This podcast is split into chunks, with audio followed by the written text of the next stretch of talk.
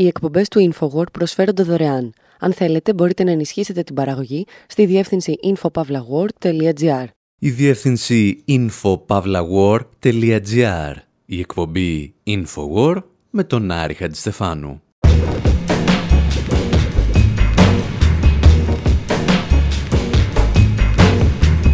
όπου σήμερα ακούμε μουσικές και ήχους για τον άγνωστο έρωτα δύο καθεστώτων της Ανατολικής Μεσογείου.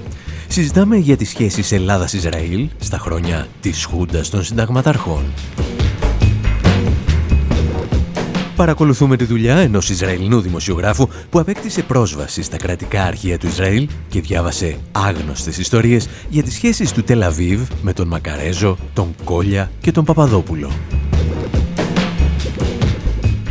ύστερα λέμε μερικές κουβέντες για τα 75 χρόνια από την ίδρυση του κράτους του Ισραήλ από την Ανάποδη. Εξετάζουμε ένα ερωτικό τρίο και κάτι αντισημίτες που ίσως και να έπαιξαν καθοριστικό ρόλο στη δημιουργία ενός εβραϊκού κράτους.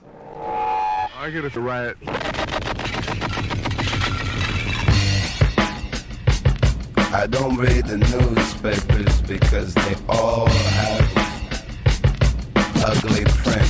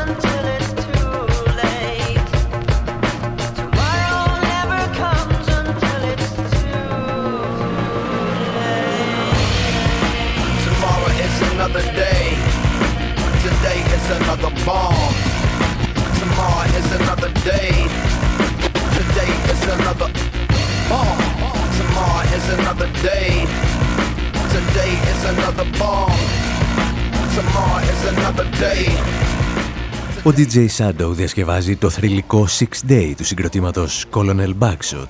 Ένα τραγούδι εμπνευσμένο από τον πόλεμο των έξι ημερών που πραγματοποίησε το Ισραήλ εναντίον των αραβικών χωρών της περιοχής. Το Τελαβίβ διατάζει επίθεση εναντίον τεσσάρων γειτονικών του χωρών. Θεωρητικά βρίσκεται μόνο εναντίον όλων στην Ανατολική Μεσόγειο Λίγους μήνες νωρίτερα όμως είχε δημιουργηθεί στην περιοχή ένα νέο καθεστώς το οποίο θα μπορούσε να αποτελέσει σύμμαχό του. Η Χούντα των Συνταγματαρχών στην Ελλάδα.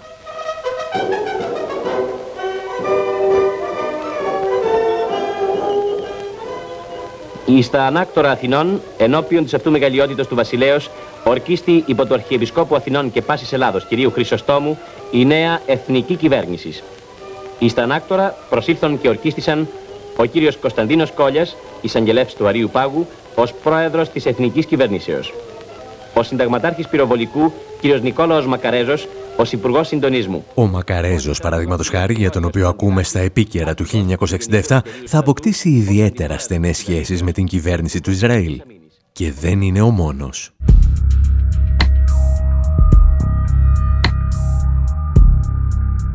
Τα δύο καθεστώτα κλείνουν το μάτι το ένα στο άλλο, αλλά το κάνουν με απόλυτη μυστικότητα. Η Αθήνα γιατί δεν θέλει να διαταράξει ακόμα τις σχέσεις της με αραβικές κυβερνήσεις και το Ισραήλ γιατί δεν θέλει να εμφανίζεται δημοσίως ότι στηρίζει ένα αιμοσταγές καθεστώς. Αυτό όμως που παρέμενε έπτα στο μυστικό για τουλάχιστον πέντε δεκαετίες ήρθε στο φως πριν από μερικούς μήνες. Ο Ισραηλινός δημοσιογράφος Ιιτάι Μακ πέρασε χρόνια μελετώντας διαβαθμισμένα έγγραφα στο κρατικό αρχείο του Ισραήλ. Έγγραφα τα οποία δόθηκαν στη δημοσιότητα την περίοδο 2019 με 2020. Όπως προκύπτει από τα πρώτα τηλεγραφήματα, οι Ισραηλοί απεσταλμένοι στην Αθήνα έβλεπαν τη δικτατορία ως λαμπρή ευκαιρία για να προσεγγίσουν μια χώρα η οποία, όπως έλεγαν, πριν από τον Παπαδόπουλο προτιμούσε να οικοδομεί διπλωματικές και οικονομικές σχέσεις μόνο με αραβικές χώρες. Από τα έγγραφα του Ισραηλινού κρατικού αρχείου προκύπτει ότι ο επικεφαλής της αποστολής του Τελαβίβ στην Αθήνα, Γεχόσου Ανισίμ Σάι, είχε πλήρη επίγνωση της καταπάτησης των ανθρωπίνων δικαιωμάτων στην Ελλάδα. Ο ίδιος πάντως σημείωνε στα τηλεγραφήματά του ότι το νέο καθεστώς είναι πολύ πιο φιλικό προς το Τελαβίβ σε σχέση με τις προηγούμενες δημοκρατικές κυβερνήσεις. Στα τηλεγραφήματά του, ο Ισραηλινός αξιωματούχος αναφέρει ότι το ελληνικό Υπουργείο Εξωτερικών ήταν ιδιαίτερα ευχαριστημένο για τη λαμπρή νίκη των Ισραηλινών ενόπλων δυνάμεων στον πόλεμο των έξι ημερών, αν και δεν εξέφραζε δημόσια αυτή τη θέση. Ο ίδιος επεσήμενε τον θαυμασμό που εξέφραζε ο Μακαρέζος για τη δράση της Μοσάντ, με την οποία όπως έλεγε είχε στενές επαφές. Γιατί όμως το Ισραήλ να διακινδυνεύσει τη διεθνή του εικόνα στηρίζοντας τους Έλληνες πραξικοπηματίες όταν αυτοί είχαν δείξει το πραγματικό τους πρόσωπο με τα βασανιστήρια και τις φυλακίσεις Ελλήνων πολιτών; Για να απαντήσουμε θα πρέπει να επιστρέψουμε και πάλι στον πόλεμο των έξι ημερών και να δούμε πώς αυτός επηρέασε την πολεμική βιομηχανία του Ισραήλ. War in the Middle East. Israeli forces drive spearheads across the Sinai Peninsula, west to the Suez Canal, south to the entrance of the Gulf of Aqaba, breaking the blockade, capturing the west bank of the Jordan River, and occupying the old city of Jerusalem. Τα αμερικανικά επίκαιρα της εποχής περιγράφουν μια θεαματική όσο και δραματική επιχείρηση που ευνηδιάζει τους γείτονες του Ισραήλ. Υπό τις εντολές του μονόφθαλμου στρατηγού Μοσέντα Γιάν, η Ισραηλινή αεροπορία εξαπολύει γενικευμένες επιδρομές στην Αίγυπτο, την Ιορδανία, τη Συρία, αλλά ακόμη και σε περιοχές του Ιράκ.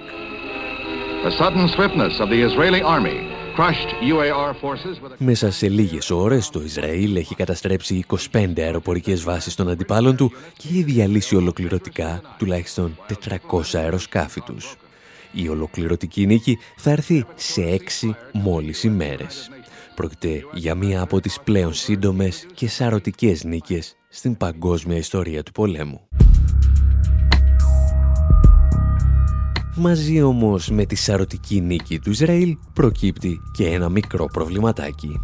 Τα εξηγούσε και ο Ισραηλινός οικονομικός αναλυτής Σιρ Χέβερ. Uh, there was a worry in Israel after uh, the occupation of 1967 because France, which was the biggest supplier of arms to Israel at the time, said they're going to embargo weapons sales to Israel. Το Ισραήλ ανησύγησε μετά την κατοχή του 1967, καθώς η Γαλλία, που αποτελούσε το βασικό του προμηθευτή σε όπλα, απειλούσε ότι θα προχωρήσει σε εμπάργκο εάν το Ισραήλ δεν αποχωρούσε από τα εδάφη που είχε καταλάβει.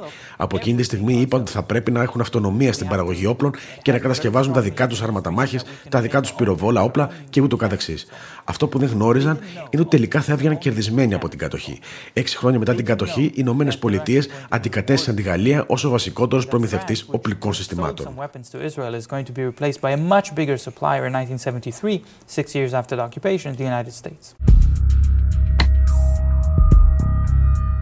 Η στρατηγική συμμαχία με τις Ηνωμένες Πολιτείες προσφέρει στο Ισραήλ τα όπλα που χρειάζεται και αυτό μετατρέπεται σε χωροφύλακα της Ουάσιγκτον για ολόκληρη τη Μέση Ανατολή. Για την Ισραηλινή πολεμική βιομηχανία όμως, αυτή η σχέση παρουσιάζει και μερικά προβλήματα. Γιατί η Ουάσιγκτον μπορεί να μην είχε κανένα πρόβλημα να προσφέρει τα όπλα της στο Ισραήλ, είχε όμως πολλά προβλήματα όταν το Ισραήλ άρχισε να κατασκευάζει οπλικά συστήματα που ανταγωνίζονταν τα αμερικανικά. There were some attempts by the Israeli military companies to compete with the US military companies, which were crushed in the bud very quickly, and that shows exactly the... Υπήρξαν ορισμένες προσπάθειες από Ισραηλινές εταιρείες να ανταγωνιστούν την αμερικανική πολεμική βιομηχανία, αλλά αυτές ακυρώθηκαν από την πρώτη στιγμή. Αυτές είναι και οι περιπτώσεις όπου διακόπτεται η αμερικανική στήριξη προς το Ισραήλ. Όταν λόγω χάρη το Ισραήλ προσπαθούσε να πουλήσει στην Κίνα εξοπλισμό που περιέχει και αμερικανική τεχνολογία ή όταν προσπαθούσε να ανταγωνιστεί κάποια αμερικανική εταιρεία στην κατασκευή μαχητικών αεροσκαφών, η συμμαχία ΙΠΑ-Ισραήλ τερματιζόταν αυτόματα. That's the end of US-Israeli alliance, that right there. Η Ισραηλινή επιχειρηματικότητα όμως δεν κάμπτεται από τέτοια προβλήματα. Αν δεν μπορούμε να κατασκευάσουμε όπλα που χτυπάνε την Αμερικανική αγορά, σκέφτηκαν, θα πουλάμε σε καθεστώτα που κανένας άλλος δεν θέλει ή δεν μπορεί να πουλήσει. Όπου υπήρχε διεθνές εμπάργκο για εγκλήματα κατά της ανθρωπότητας, το Ισραήλ ήταν εκεί για να τα σπάσει. Περίπου δηλαδή όπως έκαναν την ίδια περίοδο και ορισμένοι από τους μεγαλύτερους Έλληνες εφοπλιστές. Τα λέει όμως καλύτερα και από μας ο Ισραηλινός αναλυτής Σιρ Χέβερ, μιλώντας στο The Real News Network. We're talking about the 60s, 70s, 80s, Israel sold weapons to Rhodesia, which αν γυρίσουμε πίσω στις δεκαετίες του 60, του 70 και του 80, θα δούμε ότι το Ισραήλ πουλούσε όπλα στη Ροδεσία, η οποία είχε ένα καθεστώς όμοιο με αυτό του Απαρχάιτ. Στη Νότια Αφρική επίσης έσπαγε το εμπάρκο απροκάλυπτα. Πουλούσε επίσης όπλα στη Γουατεμάλα κατά τη διάρκεια του εμφυλίου πολέμου και στη Χιλή επί δικτατορίας Πινοσέτ. Όλες οι χώρες που είχαν προβλήματα να αγοράσουν όπλα από τις μεγάλες εταιρείες μπορούσαν πάντα να στραφούν στο Ισραήλ.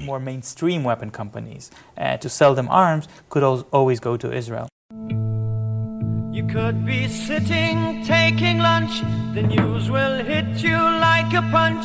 It's only Tuesday. You never thought we'd go to war after all the things we saw. It's April Fool's Day.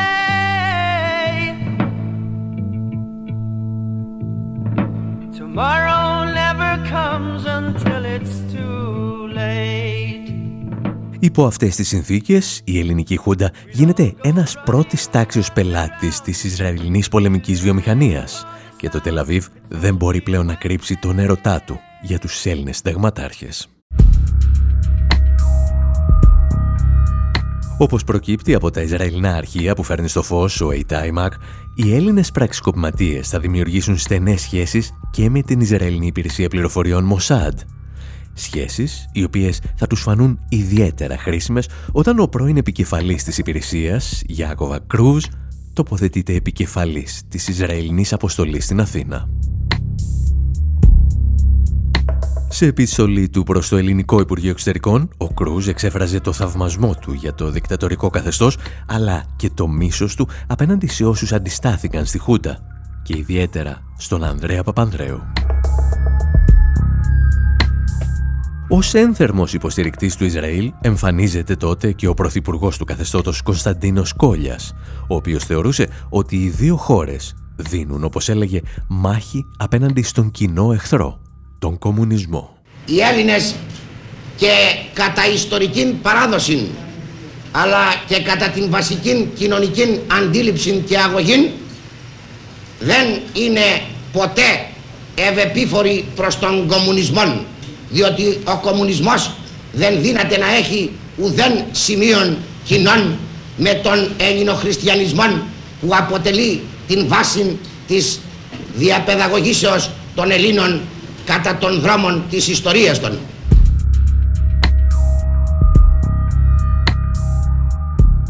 Εν μέσω του ειδηλίου των δύο καθεστώτων, το Ισραήλ φαίνεται να ξεχνά ότι αρκετοί Έλληνες χουντικοί, όπως ο Κόλιας, είναι δηλωμένοι αντισημίτες Αντίθετα, σύμφωνα με τα κρατικά αρχεία, Ισραηλινοί διπλωμάτες υπόσχονταν στον Κόλια να παρέμβουν ώστε να μετριάσουν την κριτική που ασκούσαν στο καθεστώς διάφοροι Εβραίοι σχολιαστές σε μέσα ενημέρωσης σε όλο τον κόσμο. Μέσα στα πρίλη τη γιορτή το μέλλον χτίζει νιώτη αγκαλιασμένη δυνατή μεργάτη αγρότη φοιτητή και πρώτο τον στρατιώτη Μεργάτη, αγρότη, φοιτητή και πρώτο τον στρατιώτη. Σχεδόν ένα χρόνο μετά το πραξικόπημα έφταναν στο Ισραήλ και οι πρώτες αποστολές Ελλήνων στρατιωτικών, οι οποίοι μετέφεραν στις αποσκευές τους μια μεγάλη λίστα αγόρων. Συγκεκριμένα ενδιαφέρονταν να προμηθευτούν τα υποπολιβόλα ούζι, εμπριστικές βόμβες και χειροβομβίδες καπνού, ενώ πρότειναν να αναλάβει το Ισραήλ τη συντήρηση των αεροσκαφών και των αεροπορικών βάσεων της Χούντας.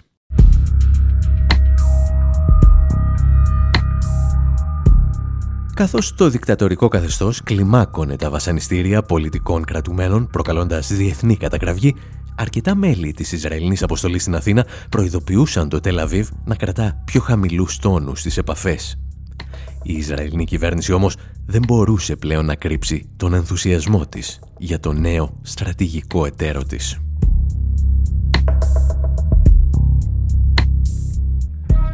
Όπως εξηγεί ο δημοσιογράφος A.T.I. Mac, τον Ιανουάριο του 1973 οι δύο χώρες υπέγραψαν μυστική συμφωνία 9 εκατομμυρίων δολαρίων. Η συμφωνία προέβλεπε τη μεταφορά αργού πετρελαίου από τον Περσικό κόλπο στον Ισραηλινό αγωγό Ειλάτα Σκελών και από εκεί στο λιμάνι του Πειραιά. Εδώ Πολυτεχνείο, εδώ Πολυτεχνείο. Σας μιλά ο ραδιοφωνικός σταθμός των ελεύθερων αγωνιζομένων φοιτητών, των ελεύθερων αγωνιζομένων Ελλήνων. Λαέ συνέχισε τον αγώνα μαζί μας. Ξέρουμε τώρα πια όλοι πώς θα προχωρήσουμε. Σας μιλεί ο ραδιοφωνικός σταθμός των ελεύθερων αγωνιζομένων φοιτητών. Όπως προκύπτει από τα τηλεγραφήματα που ήρθαν πρόσφατα στο φως, το Ισραήλ δεν κάμφθηκε ούτε από την σφαγή των φοιτητών στο Πολυτεχνείο, ούτε από το πραξικόπημα στην Κύπρο. Αντίθετα, οι εμπορικές και εξοπλιστικές σχέσεις των δύο χωρών φαίνεται να αναπτύσσονταν παράλληλα με την αγριότητα του ελληνικού καθεστώτος. Η ελληνική Χούντα είχε βρει έναν πιστό σύμμαχο στο πρόσωπο του Ισραήλ. Δυστυχώς για το τελευταίο, το καθεστώς των συνταγματαρχών κατέρευσε μερικούς μήνες αργότερα, αφού πρώτα οδήγησε στην κατοχή της Κύπρου. Αφού δηλαδή δημιούργησε συνθήκες Παλαιστίνης σε μία ακόμη περιοχή της Ανατολικής Μεσογείου.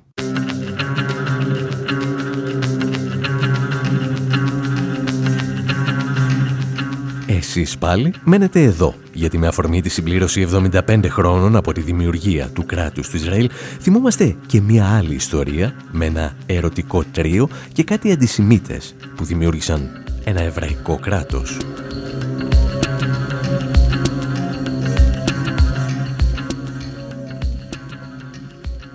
Οι εκπομπές του InfoWord προσφέρονται δωρεάν. Αν θέλετε, μπορείτε να ενισχύσετε την παραγωγή στη διεύθυνση infopavlagor.gr.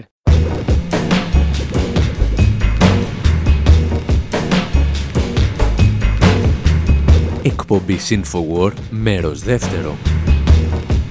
Όπου σήμερα παρακολουθούμε ένα ερωτικό τρίγωνο που δεν άλλαξε τον κόσμο και ένα ραβασάκι 67 λέξεων που τον άλλαξε. Αφήνουμε τον Τάρι Καλή και τον Έντουαρτ Σαΐντ να πλακώνονται για το εάν το 1917 ήταν έτος ορόσημο στην παγκόσμια ιστορία λόγω της Οκτωβριανής Επανάστασης ή της διακήρυξης του Μπαλφούρ.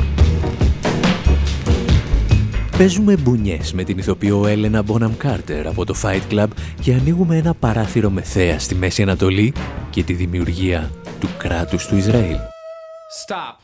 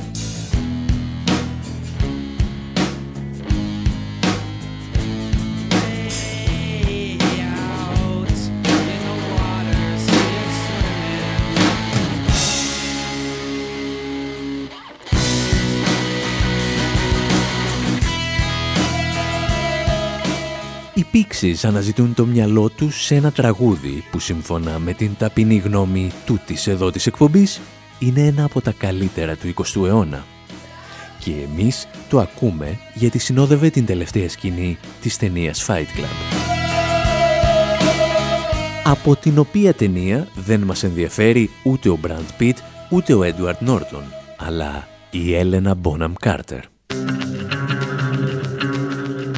Εάν δεν την θυμάστε, είναι η μαγική εκείνη ηθοποιός που μπορεί να μεταμορφωθεί από αλάνη στο Fight Club σε κυρία στις μεγάλες προσδοκίες.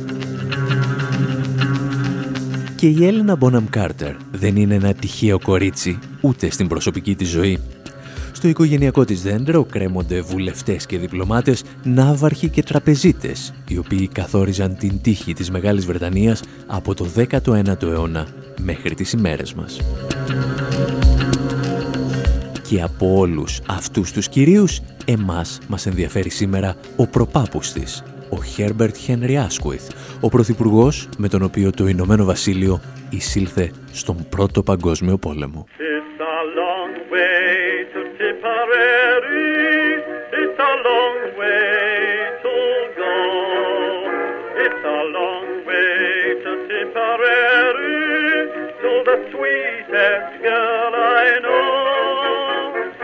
Στα τραγούδια του Πρώτου Παγκοσμίου Πολέμου, οι Βρετανοί φαντάροι προσπαθούσαν να ξεχάσουν τις κακουχίες του πολέμου με ιστορίες για τις κοπέλες τους, που τους περίμεναν στην πατρίδα τους. Το πρόβλημα ήταν ότι το ίδιο ακριβώς είχε στο μυαλό του και ο Πρωθυπουργός της χώρας. Γιατί ο προπάπους της Έλενα Μπόναμ Κάρτερ ήταν ίσως ο πιο γυναικάς Πρωθυπουργός που έχει γνωρίσει η γυραιά Αλβιώνα καθώς συμπληρώνονταν 100 χρόνια από τη διακήρυξη του Μπαλφούρ που άνοιξε το δρόμο για τη δημιουργία του κράτους του Ισραήλ, η Ισραηλινή εφημερίδα Χάρετζ παρουσίασε μια παρανοϊκή αλλά και πικάντικη θεωρία. Ούτε λίγο ούτε πολύ έλεγε ότι εάν ο Άσκουιθ δεν κυνηγούσε κοπελίτσες, το κράτος του Ισραήλ ίσως να μην είχε δημιουργηθεί ποτέ. Η ιστορία έχει ως εξής. Η κόρη του Άσκουιθ στα 21 της χρόνια είχε μία φιλενάδα, την Βενέτια Στάνλεϊ, την οποία σήμερα θα χαρακτηρίζαμε γυναίκα του κόσμου. Ο Άσκουιθ θα την ερωτευτεί, αλλά αυτή ύστερα από λίγο θα τον εγκαταλείψει για έναν από τους υπουργούς του, τον εβραϊκής καταγωγής Έντουιν Μοντάγκου. Συγκρατήστε το όνομα γιατί παίζει ρόλο κλειδί στην ιστορία μας. Ο Άσκουιθ λοιπόν κατέρευσε ψυχολογικά από τον χωρισμό και όπως αφήνει να εννοηθεί η Χάρετζ, αυτός ήταν ένας από τους λόγους που τελικά αναγκάστηκε να εγκαταλείψει την Πρωθυπουργία.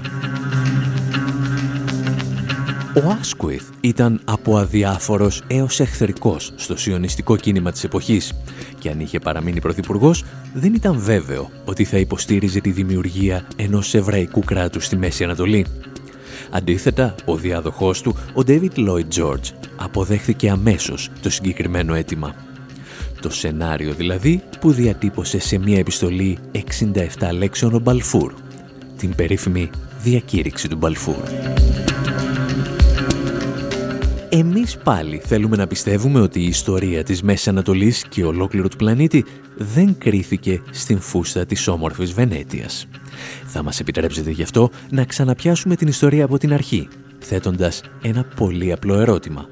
Γιατί το Λονδίνο αποφάσισε να στηρίξει τη δημιουργία ενός εβραϊκού κράτους στην καρδιά της Μέσης Ανατολής; Αυτή τη φορά θα αφήσουμε να μας βάλει στο κλίμα ο πατέρας του Ζαν Μισελ Ζάρ.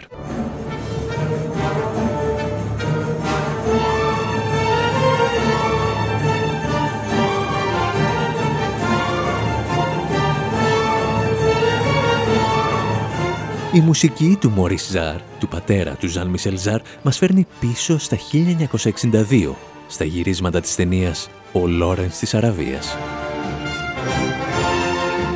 Ο Πίτερ Τούλ, καλυμμένος με μια λευκή κελεμπία, υποδίεται έναν ρομαντικό επαναστάτη αρχαιολόγο. Έναν άνθρωπο που μοιράζει την καρδιά του ανάμεσα στην πατρίδα του, τη Βρετανία, και τους Άραβες, οι οποίοι εξεγείρονται απέναντι στην Οθωμανική Αυτοκρατορία. Και αυτή ακριβώς είναι η εικόνα που ήθελε να παρουσιάζει εκείνη την εποχή η Βρετανική Αυτοκρατορία. Μια καρδιά διχασμένη ανάμεσα στο καλό της ανθρωπότητας και το εθνικό συμφέρον του Ηνωμένου Βασιλείου. Όπως πάντα βέβαια, η αληθινή ιστορία είναι λιγότερο ρομαντική. Ο ήρωάς μας, ο Τόμας Έντουαρτ Λόρενς, ζει στις απαρχές του Πρώτου Παγκοσμίου Πολέμου και δεν είναι μόνο αρχαιολόγος, αλλά είναι κυρίως πράκτορας του Βρετανικού στρατού. Ήταν βλέπετε η εποχή όπου οι πράκτορες των μεγάλων δυνάμεων ήταν συνήθως αρχαιολόγοι και όχι δημοσιογράφοι. Εκείνη την εποχή συντελούνται όμως και δύο κόσμοϊστορικές εξελίξεις. Η πρώτη είναι η ανακάλυψη πετρελαίου στα αραβικά εδάφη και η δεύτερη είναι η ανάπτυξη της αυτοκινητοβιομηχανίας. There's one car that takes you anywhere you want to go. The Model T. Strong, sturdy, with a will of its own. Here's how they put them together at the Highland Park plant. Ο Ford, όπως ακούμε στις διαφημίσεις της εποχής, παρουσιάζει το μοντέλο TAF και μαζί τη σύγχρονη αλυσίδα παραγωγής, τον φορντισμό. Οι οικονομίες της Δύσης έχουν μόλις ανακαλύψει ένα νέο μοχλό ανάπτυξης.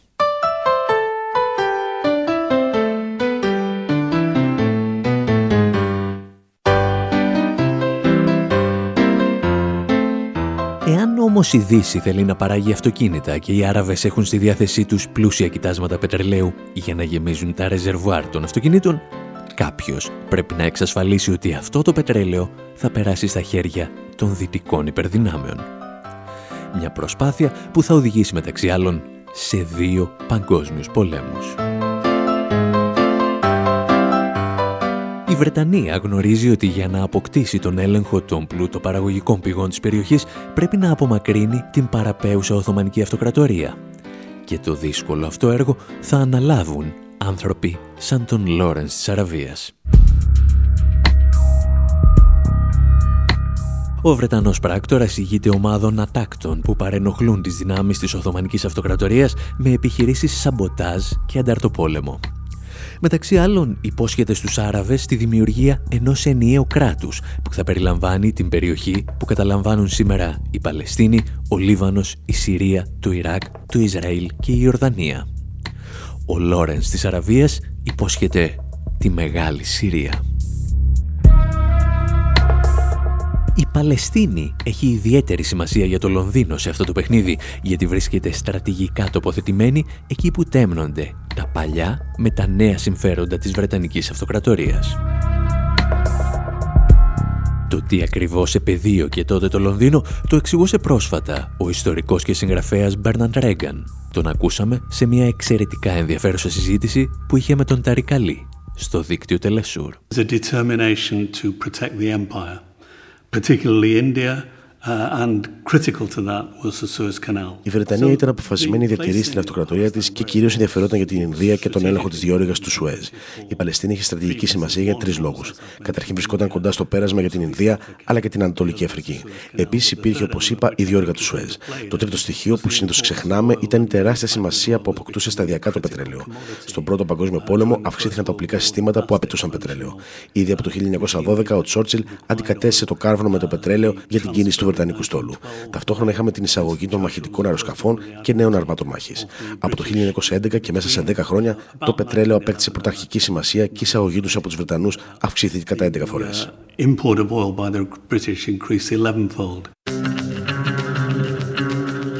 Ενώ λοιπόν οι Βρετανοί και ο Λόρενς της Αραβίας υπόσχονται στους Άραβες ενότητα, στην πραγματικότητα έχουν αποφασίσει να τραβήξουν ευθείες γραμμές στον χάρτη για να εφαρμόσουν την πολιτική του διέρη και βασίλευε.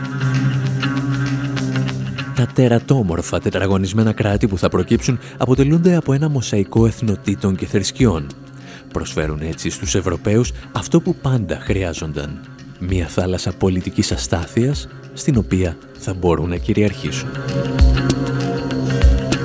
Το πρόβλημα όμως για τους Βρετανούς είναι ότι αφού ξεμπέρδεψαν με την Οθωμανική Αυτοκρατορία, απέκτησαν έναν άλλο αντίπαλο. Η Γαλλία διεκδικούσε την ίδια περιοχή της ιστορικής Παλαιστίνης. Um, there was great rivalry between the French and the British, particularly over the area of Uh, Υπήρχε μεγάλη αντιπαλότητα μεταξύ των Βρετανών και των Γάλλων, κυρίως στην περιοχή που σήμερα βρίσκεται η Συρία, ο Λίβανος και η Παλαιστίνη. Όσοι ζούσαν τότε στην περιοχή την αποκαλούσαν Μεγάλη Συρία. Οι Γάλλοι ήθελαν να επιβάλλουν την κυριαρχία τους σε αυτό το κομμάτι του αραβικού κόσμου. Οι αποφάσεις λοιπόν λαμβάνονταν στο πλαίσιο αυτής της αντιπαράθεσης, η οποία είχε λάβει μεγάλη σημασία για τους Βρετανούς.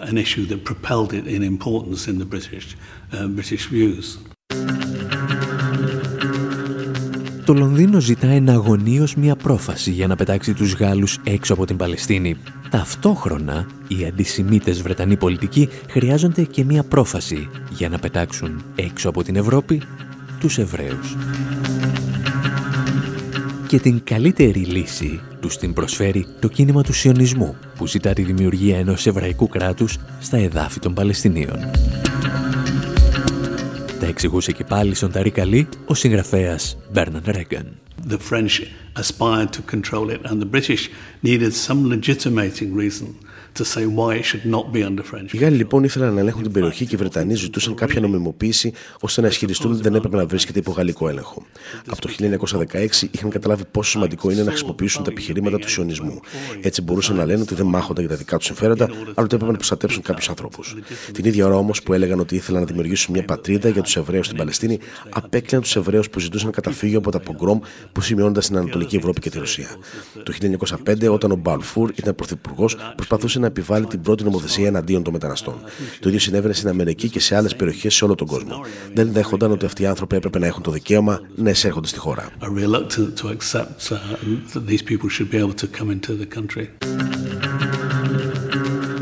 Ο Μπαλφούρ ήταν αυτό που θα λέγαμε ο Ντόναλτ Τραμπ της εποχής του.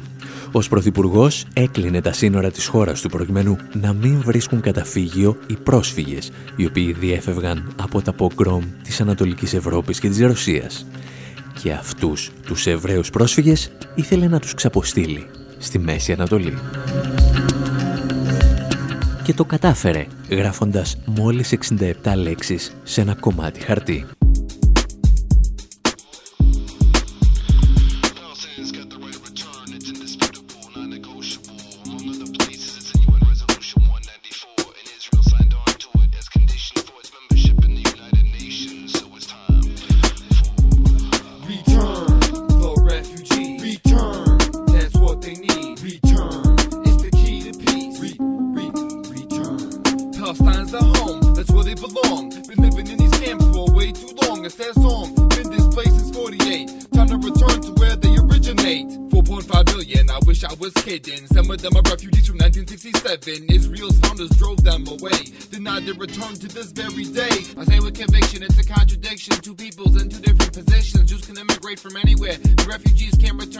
Ο Άιρον Σέιχ, ο Παλαιστινιακής καταγωγής ράπερ, τραγουδά για το δικαίωμα των Παλαιστινίων προσφύγων να επιστρέψουν στα εδάφη από που εκδιώχθηκαν στα τέλη της δεκαετίας του 40. Για να φτάσουμε όμως εκεί, όπως εξηγήσαμε, προηγήθηκε ένα χαρτάκι με 67 λέξεις, με το οποίο η Βρετανία πρότεινε στην εβραϊκή κοινότητα τη δημιουργία ενός εβραϊκού κράτους στην Παλαιστίνη. Ήταν η περίφημη διακήρυξη του Μπαλφούρ. Για αρκετούς ιστορικούς, το 1917 ίσως μείνει στην ιστορία για αυτό ακριβώς το χαρτάκι. Ή τουλάχιστον αυτό έλεγε ο μεγάλος Παλαιστίνιος διανοητής Έντουαρ Σαΐντ στον Ταρικαλή, σε μια στοιχομηθεία που θυμήθηκε πρόσφατα ο τελευταίος. 1917 το 1917 δεν ήταν μόνο η ημερομηνία της Ρωσικής Επανάστασης, την οποία τιμούν σε διάφορα σημεία του πλανήτη. Το 2017 συμπληρώνονται 100 χρόνια από τη διακήρυξη του Μπαλφούρ. Και ο μακαρίτης φίλος μου, Έντουαρτ Σέντ, συνήθιζε να λέει ότι για αυτόν το σημαντικότερο γεγονός για το 1917 ήταν η διακήρυξη του Μπαλφούρ και όχι όσα διαδραματίστηκαν στη Ρωσία.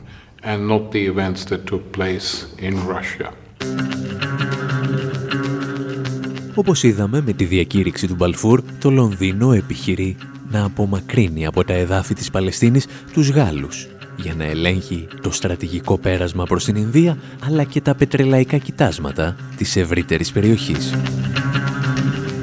Υπάρχει όμως ένα ακόμη μικρό προβληματάκι. Δεν συμφωνούν με αυτή την ιδέα οι Εβραίοι. Ο μεγαλύτερος πολέμιος στην ιδέα της δημιουργίας ενός εβραϊκού κράτους είναι ο Έντουιν Μοντάγκου, ο οποίος είναι και ο μοναδικός Εβραίος υπουργός στη Βρετανική κυβέρνηση εκείνης της εποχής. «Σας διαβεβαιώνω», έγραφε τότε ο Μοντάγκου, «ότι δεν υπάρχει εβραϊκό έθνος. Αν δεχθούμε ότι υπάρχει, θα είναι σαν να λέμε ότι ένας χριστιανός από την Αγγλία και ένας χριστιανός από τη Γαλλία ανήκουν στο ίδιο έθνος». Οι απόψεις του Μοντάγκου εξέφραζαν τότε την πλειονότητα των Εβραίων της Βρετανίας και άλλων ευρωπαϊκών χωρών που τάσσονταν εναντίον του κινήματος του Σιωνισμού. Ο βασικός τους φόβος ήταν ότι η δημιουργία ενός εβραϊκού κράτους θα ήταν το πρόσχημα για να τους απελάσουν από την Ευρώπη. Και είχαν σχεδόν απόλυτο δίκιο, γιατί πέραν όλων των άλλων οι σημαντικότεροι υποστηρικτές του σχεδίου του Μπαλφούρ ήταν αντισημίτες, όπως λέγεται ότι ήταν και ο ίδιος ο Μπαλφούρ.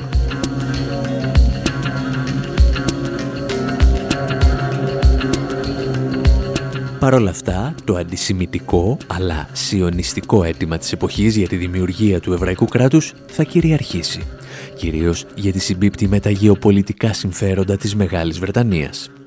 Και οι Βρετανοί πολιτικοί θα κάνουν ό,τι περνά από το χέρι τους για να εξοντώσουν ή να εκτοπίσουν τους Παλαιστίνιους που ζούσαν στα εδάφη του σημερινού Ισραήλ.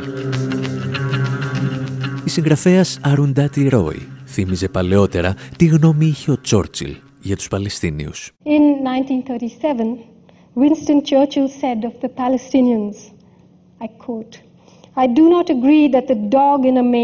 το 1937, ο Winston Churchill είπε για τους Παλαιστίνιους «Δεν αναγνωρίζω ότι έχουν το δικαίωμα να ζουν εδώ. Όπως δεν αναγνωρίζω, για παράδειγμα, ότι έγινε μεγάλο κακό στους Ινδιάνους της Αμερικής ή στους Μαύρους της Αυστραλίας. Δεν αναγνωρίζω ότι έγινε κακό σε αυτούς τους ανθρώπους, επειδή μια ισχυρότερη φυλή, μια φυλή ανώτερης τάξης, μια πιο έμπειρη φυλή, ήρθε και τους πήρε τα εδάφη.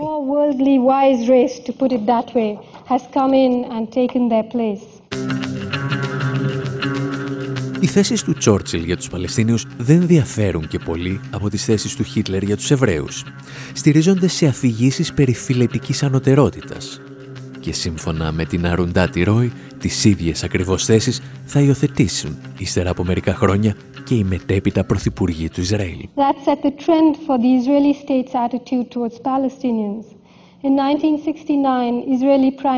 Αυτό έθεσε τις βάσεις για τη συμπεριφορά του Ισραηλινού κράτους απέναντι στους Παλαιστίνιους.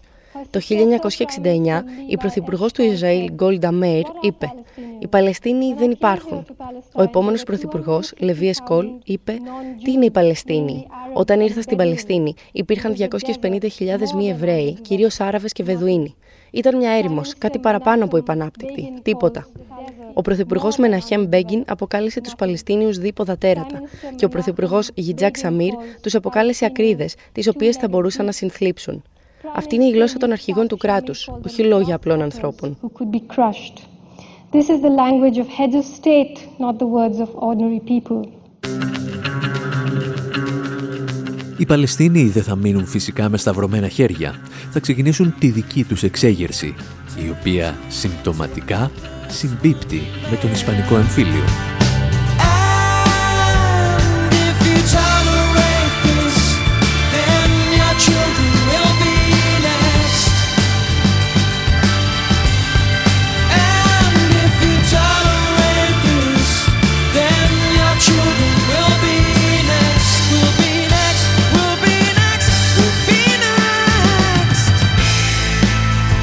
Εκπομπή Infowar με τον Άρη Χατζηστεφάνου ακούμε τους Manic Street Preachers να τραγουδούν για τον Ισπανικό εμφύλιο, ενώ εμείς συζητούσαμε για την διακήρυξη του Μπαλφούρ.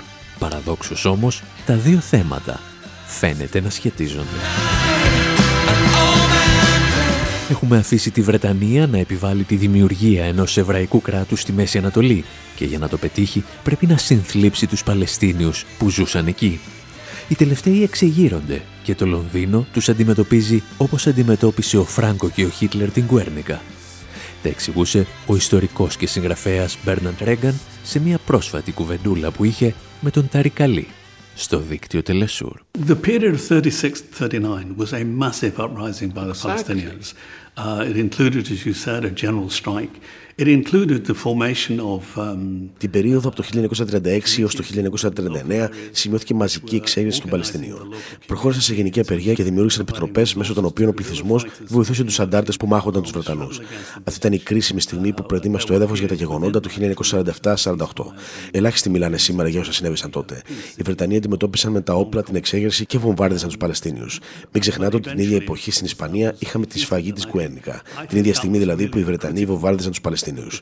Τελικά οι Παλαιστίνοι αναγκάστηκαν να παραδώσουν τα όπλα και μετά το Δεύτερο Παγκόσμιο Πόλεμο βρέθηκαν αντιμέτωποι με τις δυνάμεις των Ισραηλινών. Οι εβραϊκές ένοπλες ομάδες είχαν δημιουργηθεί από το 1920 και σύντομα εντάχθηκαν στις δομές του Βρετανικού στρατού. Ύστερα λοιπόν από τον Δεύτερο Παγκόσμιο Πόλεμο ξεκίνησαν στρατιωτικέ επιχειρήσεις εναντίον των Παλαιστινίων, οι οποίοι όμως είχαν αφοπλιστεί. Όταν πλέον φτάσαμε στο 1947, ήταν πολύ δύσκολο για τους Παλαιστίνιους να αντισταθούν στην τρομοκρατία που αντιμετώπιζαν.